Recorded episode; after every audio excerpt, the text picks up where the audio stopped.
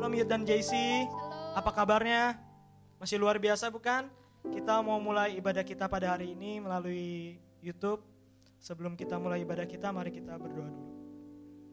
Tuhan Allah Bapa di surga, terima kasih Tuhan kalau sampai hari ini Tuhan kami boleh hidup di dalam kemurahan-Mu Tuhan. Terima kasih untuk nafas nafas yang Kau berikan ya Tuhan. Terima kasih untuk kesempatan untuk memperbaiki, hidup kami lebih lagi Tuhan. Terima kasih ya Bapak. Kami mau mulai menyembah-Mu ya Tuhan. Biar hadirat-Mu yang turun menyertai kami semua Tuhan. Walaupun kami tidak dapat bersatu di tempat ini Tuhan. Tapi biar Tuhan Kau yang menjabah setiap kami Tuhan. Biar terus Engkau pimpin kami Tuhan agar kami boleh semakin serupa, semakin dekat denganmu ya Tuhan. Terima kasih ya Bapak yang baik. Terpujilah namamu ya Bapak di dalam nama Tuhan Yesus Kristus kami berdoa, kami bersyukur. Amin. Kita mau naikkan praise lagu dia sungguh baik.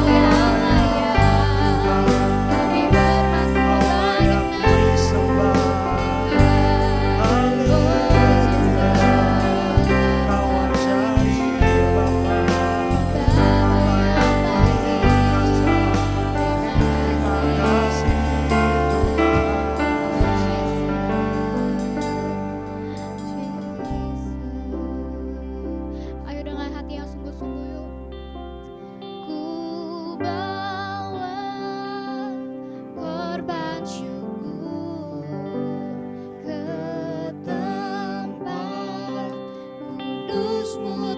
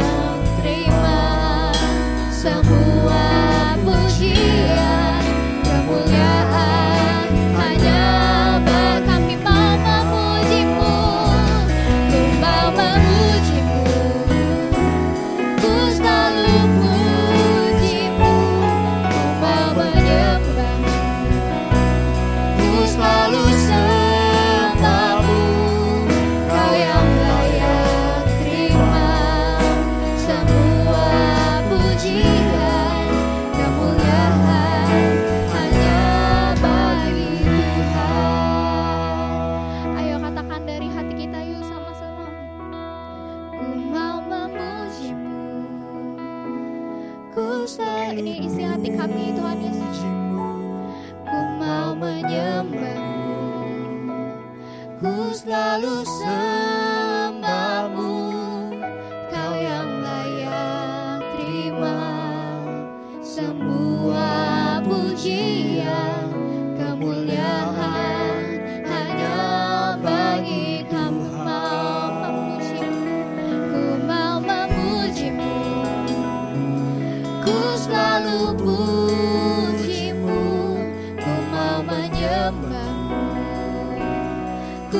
Tuscaloosa.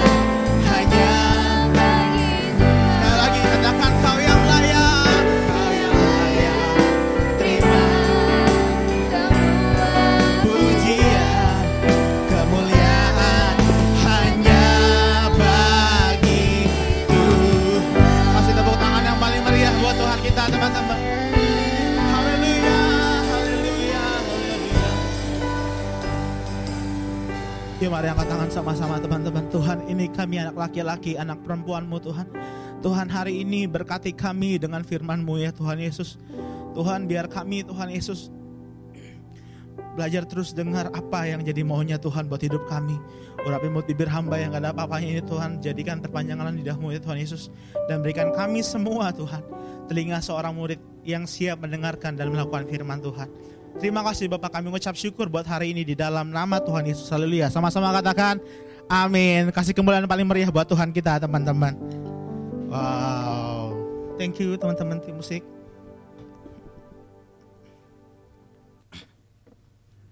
Shalom teman-teman.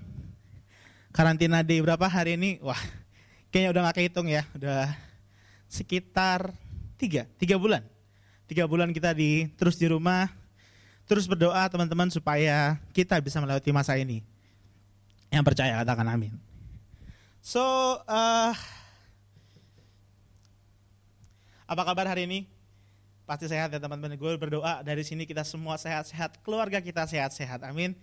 Pesan saya, asik pesan gue, pesan Kabil, jangan ke mana-mana tetap di rumah teman-teman ya. Sampai segala sesuatu menjadi lebih baik. Oke, kita masuk hari ini teman-teman uh, wah kita di keadaan seperti ini, di saat-saat seperti ini, terutama kita nih uh, umur-umur JC dan youth, kalau JC kan sekolah-sekolah gitu ya, SMP sampai SMA, kuliah, yang youth kuliah sampai kerja, wah di rumah doang bagi kita anak-anak muda pasti sangat menyiksa teman-teman. Betul gak? Yang benar boleh katakan amin di rumah masing-masing. Pasti sangat menyiksa pasti sangat menekan. Bosan pasti. Gue yakin gak cuma kalian yang bosan, sama gue juga bosan. Dan kita semua pasti teman-teman yang lain juga pasti bosan, teman-teman. Dan keadaan ini, siapa yang percaya, yang sepakat sama gue, boleh lambaikan tangan di rumah masing-masing kalau keadaan ini mendesak dan menghimpit kita semua teman-teman. Kayak aduh, ini kok keadaan gak enak banget ya. Mungkin seumur-umur dari saya lahir, baru sekarang-sekarang ini kita di kayak terpaksa harus di rumah teman-teman dan gak cuma kesehatan, ekonomi segala macam dunia kayaknya lagi diguncangkan luar biasa teman-teman ya.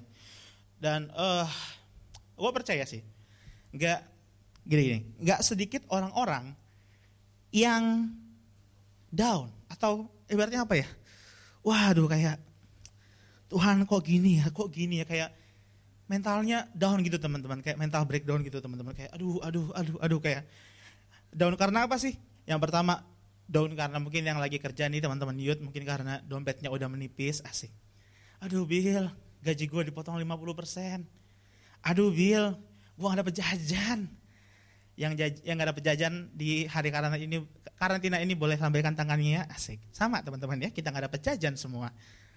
Terus bosan, bosan tuh bisa bikin orang down gak? Bisa, bisa bikin mood turun gak? Itu bisa banget teman-teman bahkan ya saat-saat ini kebanyakan yang menghancurkan banyak anak muda di karantina di rumah-rumah ini, gue yakin adalah kebosanan teman-teman.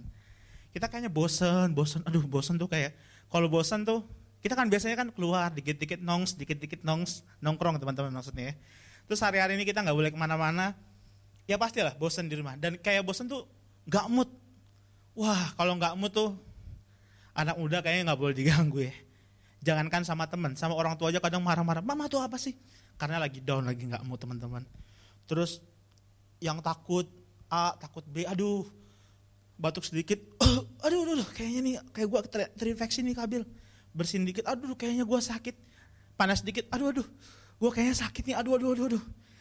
Nah itu semua hal yang mungkin bisa bikin kita down teman-teman. Kayak Pokoknya keadaan ini super duper nggak enak. Keadaan ini super duper menghimpit, super duper super duper menekan kita teman-teman. Tapi kami mau kasih tahu hari ini teman-teman. Uh,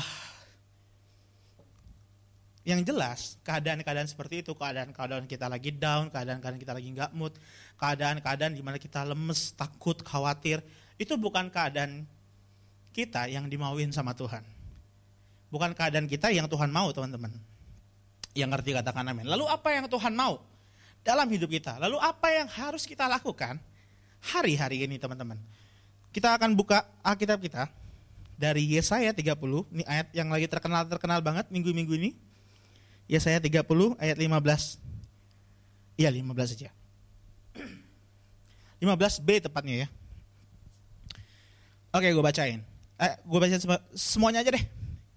Sebab beginilah firman Tuhan Allah yang maha kudus.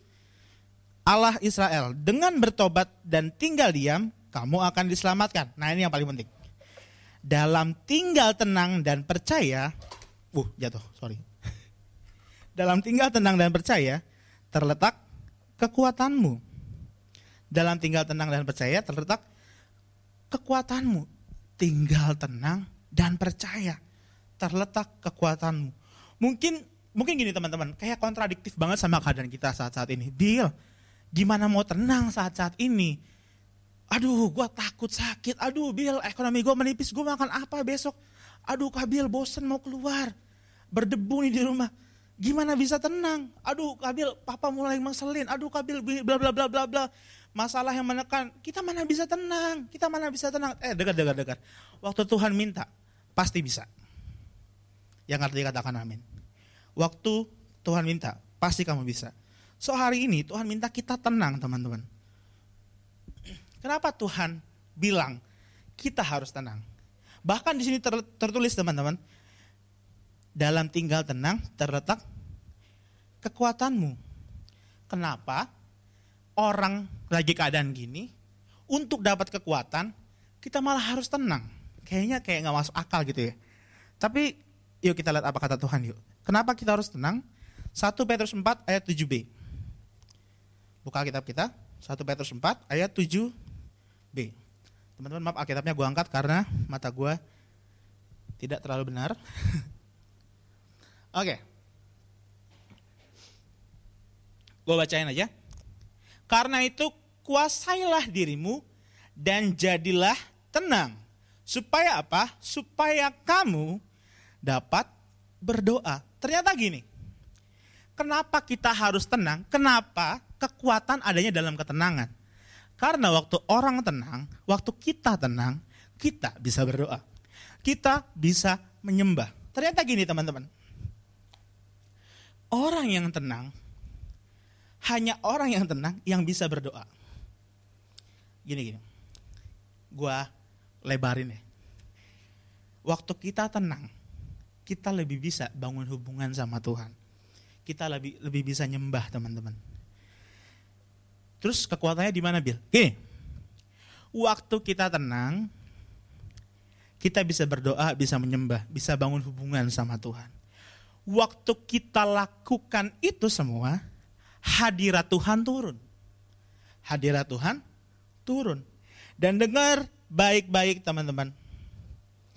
Di dalam hadirat Tuhan ada kekuatan, ada pengharapan, ada kuasa, ada mujizat. That's why kenapa? Kenapa kenapa Tuhan suruh kita tenang? Kenapa kita harus jadi tenang? Supaya kita bisa berdoa dan menyembah dan ketemu sama hadirat Tuhan. Yang percaya, yang ngerti katakan amin di rumah masing-masing teman-teman. So Tuhan maunya gini, makin kita sesek, makin keadaan kita nggak enak, makin kita terhimpit, makin kita kayak nggak tahu mesti ngapain, makin kita apa ya ibaratnya kayak di ujung tanduk gitu teman-teman. Tuhan mau kita harus makin dekat sama Tuhan, bukan makin menjauh. Banyak orang salah kaprah di sini. Aduh Tuhan, berasa, oh gini gini. Kayaknya kalau lagi sesek, kalau lagi terhimpit, Tuhan tuh kayaknya jauh ya teman-teman. Kayak aduh Tuhan di mana pertolonganmu asik. Aduh Tuhan di mana Tuhan tapi sebenarnya Tuhan nggak jauh, kitanya yang ngejauh. Justru yang Tuhan mau, di posisi itu, waktu kita merasa keadaan terhimpit, terdesak, kita harus makin dekat sama Tuhan. Kita harus kejar terus hadirat Tuhan itu yang Tuhan mau teman-teman. Makanya tadi ya saya bilang dalam tinggal tenang dan percaya terletak kekuatanmu. Karena waktu kita tinggal tenang, kita bisa berdoa, bisa nyembah, bangun hubungan. Waktu kita lakukan itu, hadirat Tuhan turun. Dan waktu hadirat Tuhan turun, tadi ada kekuatan pengharapan, kuasa, mujizat buat kamu semua. Yang percaya katakan amin teman-teman. So, so hari ini uh, di keadaan seperti ini kita harus tetap kejar Tuhan. Cari hadirat Tuhan teman-teman. Uh, hari ini gue nggak bakal lama, mungkin nggak tahu udah berapa lama ya, paling 10 sampai 15 menit. Abis itu kita bakal nyembah lagi teman-teman. Tapi kita baca sesuatu dulu teman-teman hari ini. So kita akan belajar dari satu orang yang cinta banget sama hadirat Tuhan, yang wah luar biasa teman-teman. Gue tahu kalian sudah tahu namanya, ya benar, Daud. Nah, Daud ini orang yang luar biasa banget teman-teman. Ini Daud di, gue lupa ada berapa orang yang dicap berkenan sama Alkitab, coba nanti kalian cari. Kayaknya nggak nyampe lima dan Daud adalah salah satunya.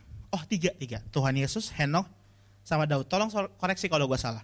Nah Daud salah satunya teman-teman. Salah satu orang yang dapat title berkenan di Alkitab. Dan itu nggak banyak.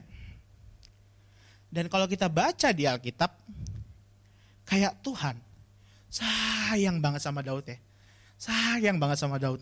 Daud jatuh berkali-kali, tapi bisa bangkit lagi. Tuhan sayang banget sama Daud teman-teman. Kenapa begitu? Karena gini, gue kasih tahu satu hal. Karena Daud adalah orang yang gak mau hidup tanpa hadirat Tuhan.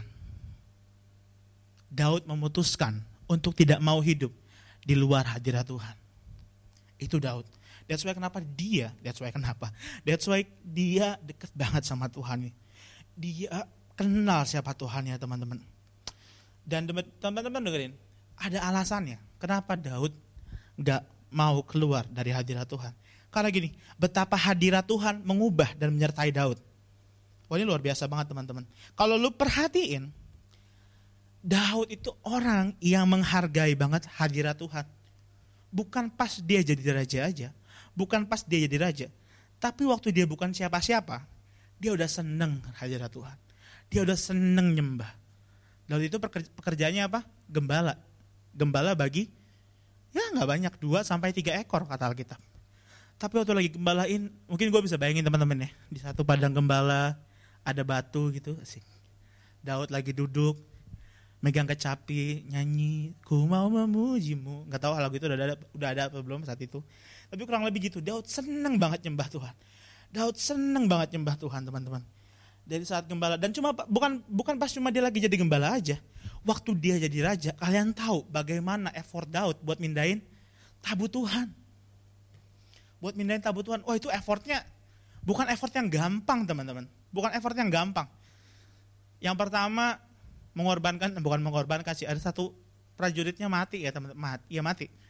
Usa tersambar. Lalu yang kedua, yang kedua tuh luar biasa. Setiap enam langkah sambil Daud menari-nari, setiap enam langkah ada yang dikorbankan. Itu bayangin banjir darah di mana-mana. Itu effort yang luar biasa. Tapi dengar motivasinya cuma satu.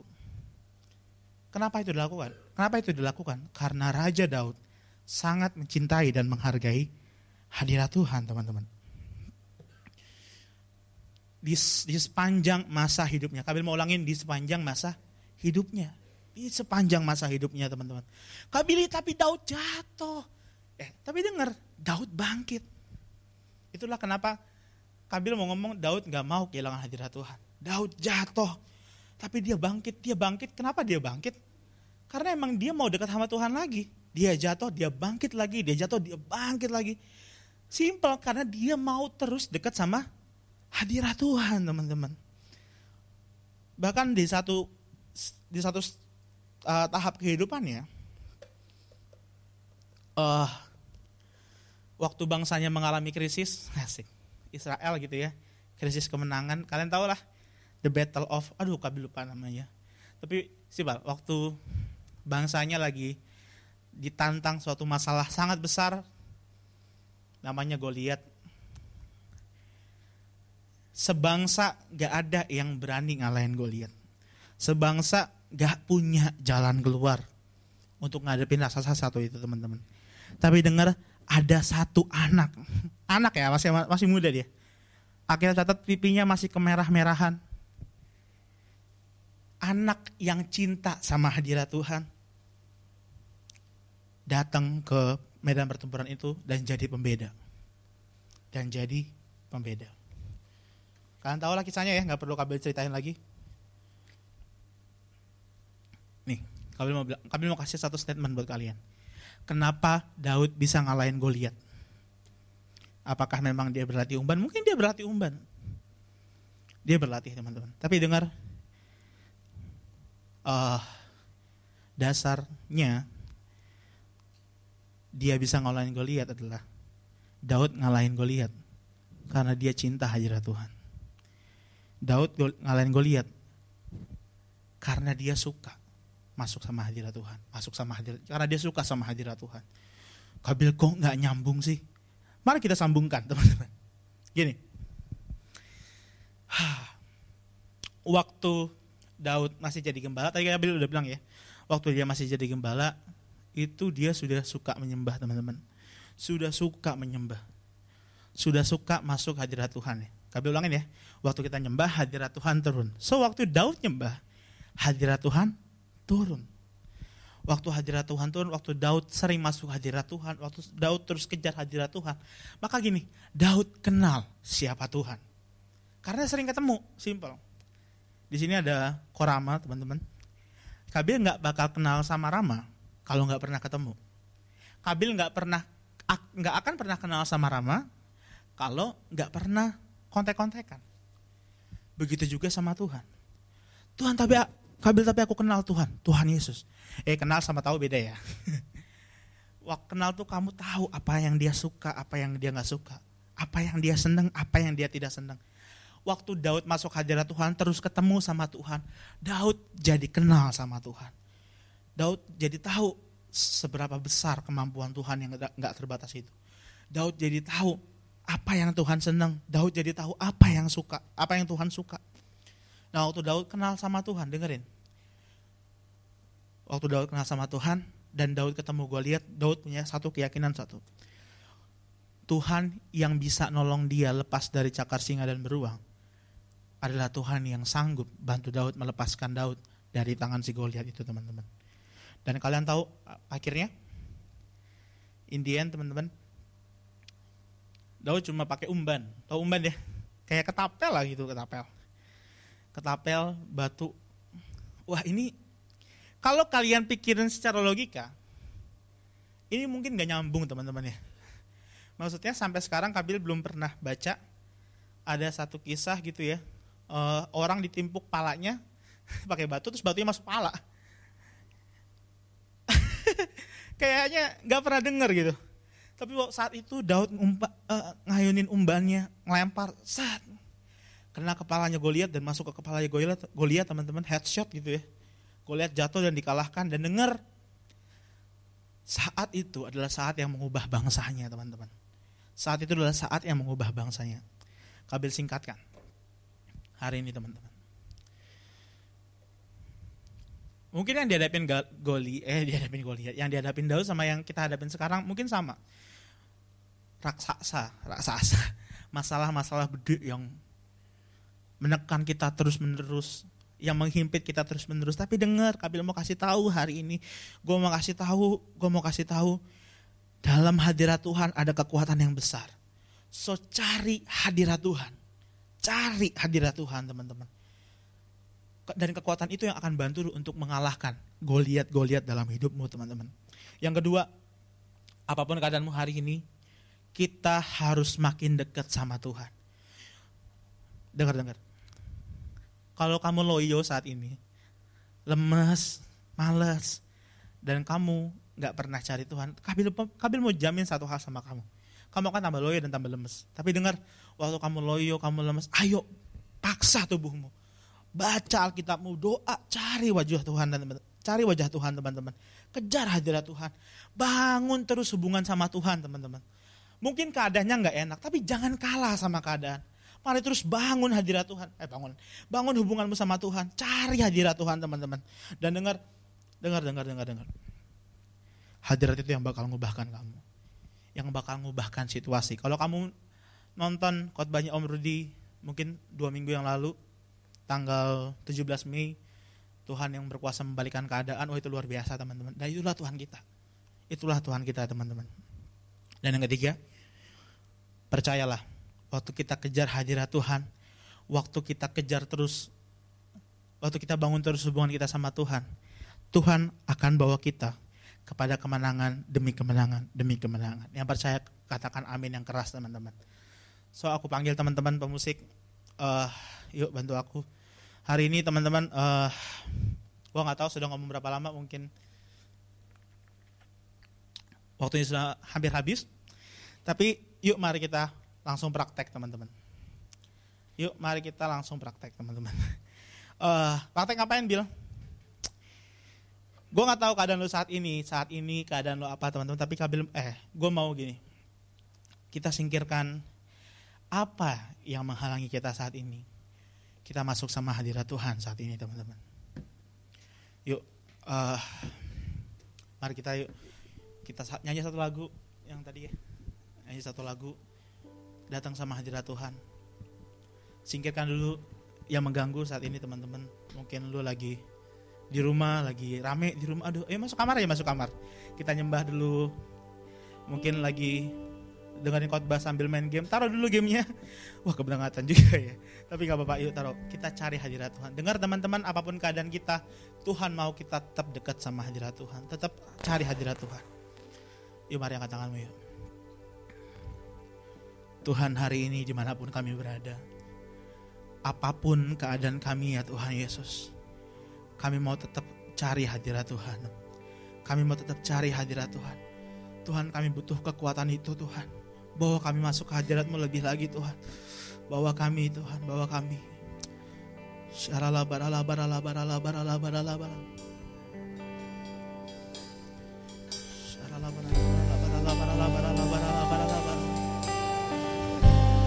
Yuk teman-teman di mana pun kamu berada, angkat hatimu, angkat suaramu, sembah Tuhan. Mungkin keadaannya nggak enak teman-teman. Mungkin kita terdesak saat ini kita panik, kita takut, tapi dengar di hadirat Tuhan ada kekuatan. Di hadirat Tuhan ada kemenangan itu teman-teman. Yo, mari katakan sama-sama yuk. Ku menyembah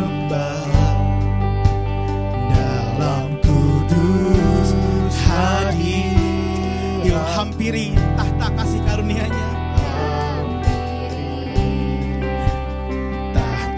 kasih karuniamu Bapa. Oh Tuhan kekuatanku kekuatanku. Hanya Ya Tuhan Ya Tuhan. Yesus kaulah segalanya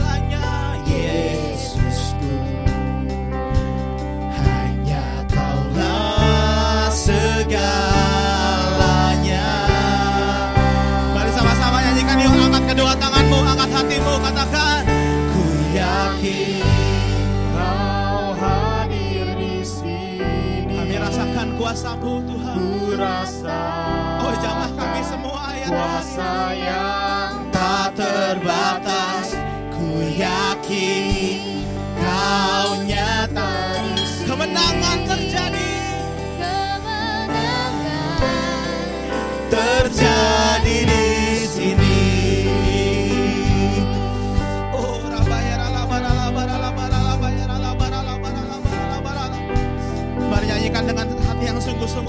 datang sama Tuhan yuk katakan sama-sama. Ku ya Tuhan. kudus hadir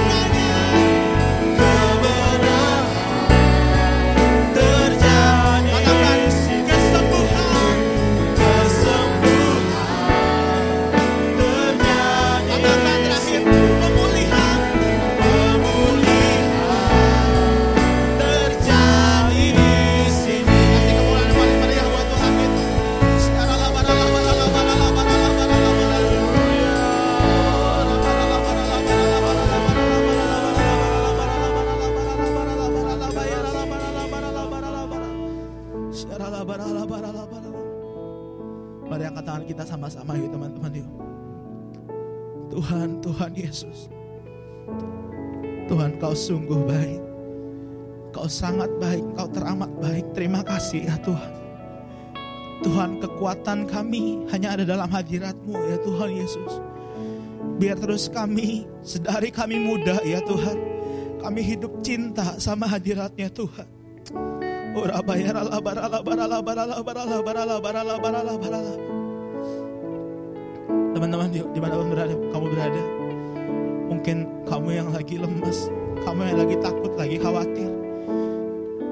Kamu yang lagi di keadaan yang nggak enak menurut kamu teman-teman. Ini mari angkat tanganmu yuk. Ada yang katakan izinkan kami berdoa ya tempat ini teman-teman. Tuhan kau lihat setiap tangan yang terangkat. Hari ini Tuhan kuatkan kami di dalam nama Tuhan Yesus. Kuatkan kami di dalam nama Tuhan Yesus. Biar kami terus hidup dalam hadiratmu ya Tuhan. Dalam hadirat dalam hadiratmu ya Tuhan Yesus. Biar kami terus hidup dalam hadiratmu ya Tuhan. Terima kasih Bapak, terima kasih ya Tuhan. Tuhan kau sungguh baik. Apa pun keadaan kami, kami janji. Kami nggak akan pernah tinggalin hadirat ya Tuhan.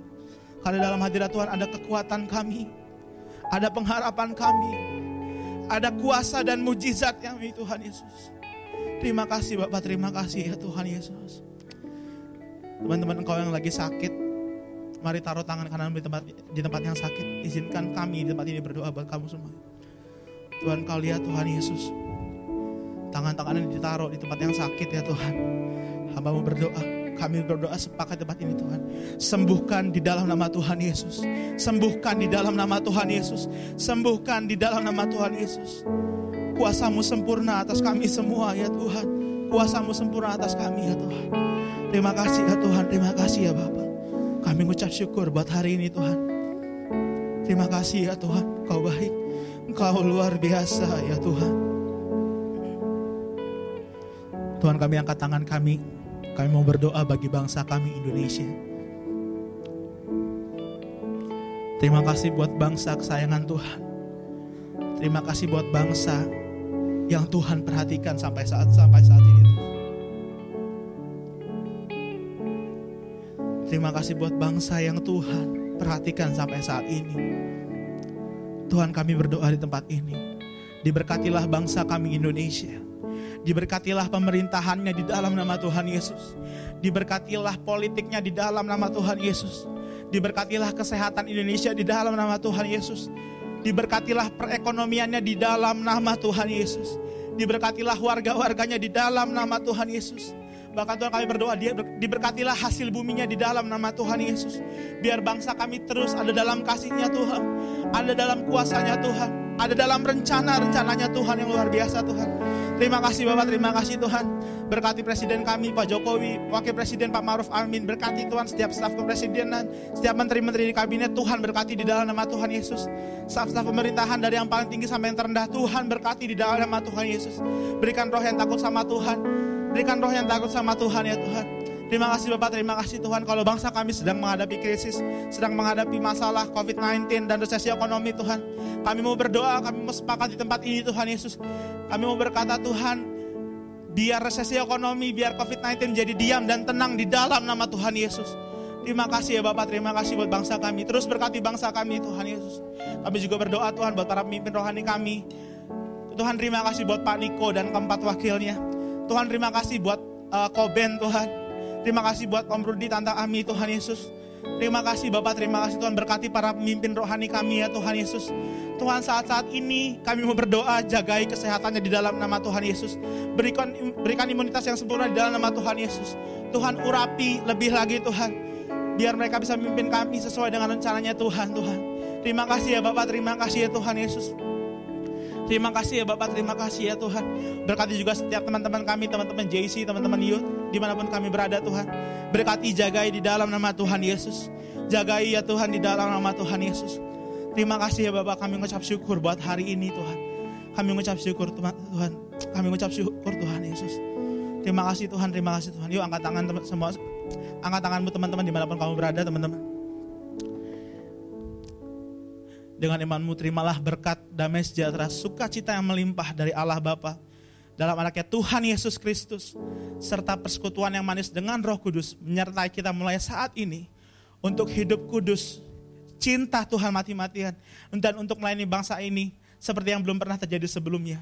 Sampai nanti Tuhan Yesus datang bahkan sampai selama-lamanya. Yang sudah terima berkat sama-sama katakan amin. Tuhan Yesus memberkati teman-teman.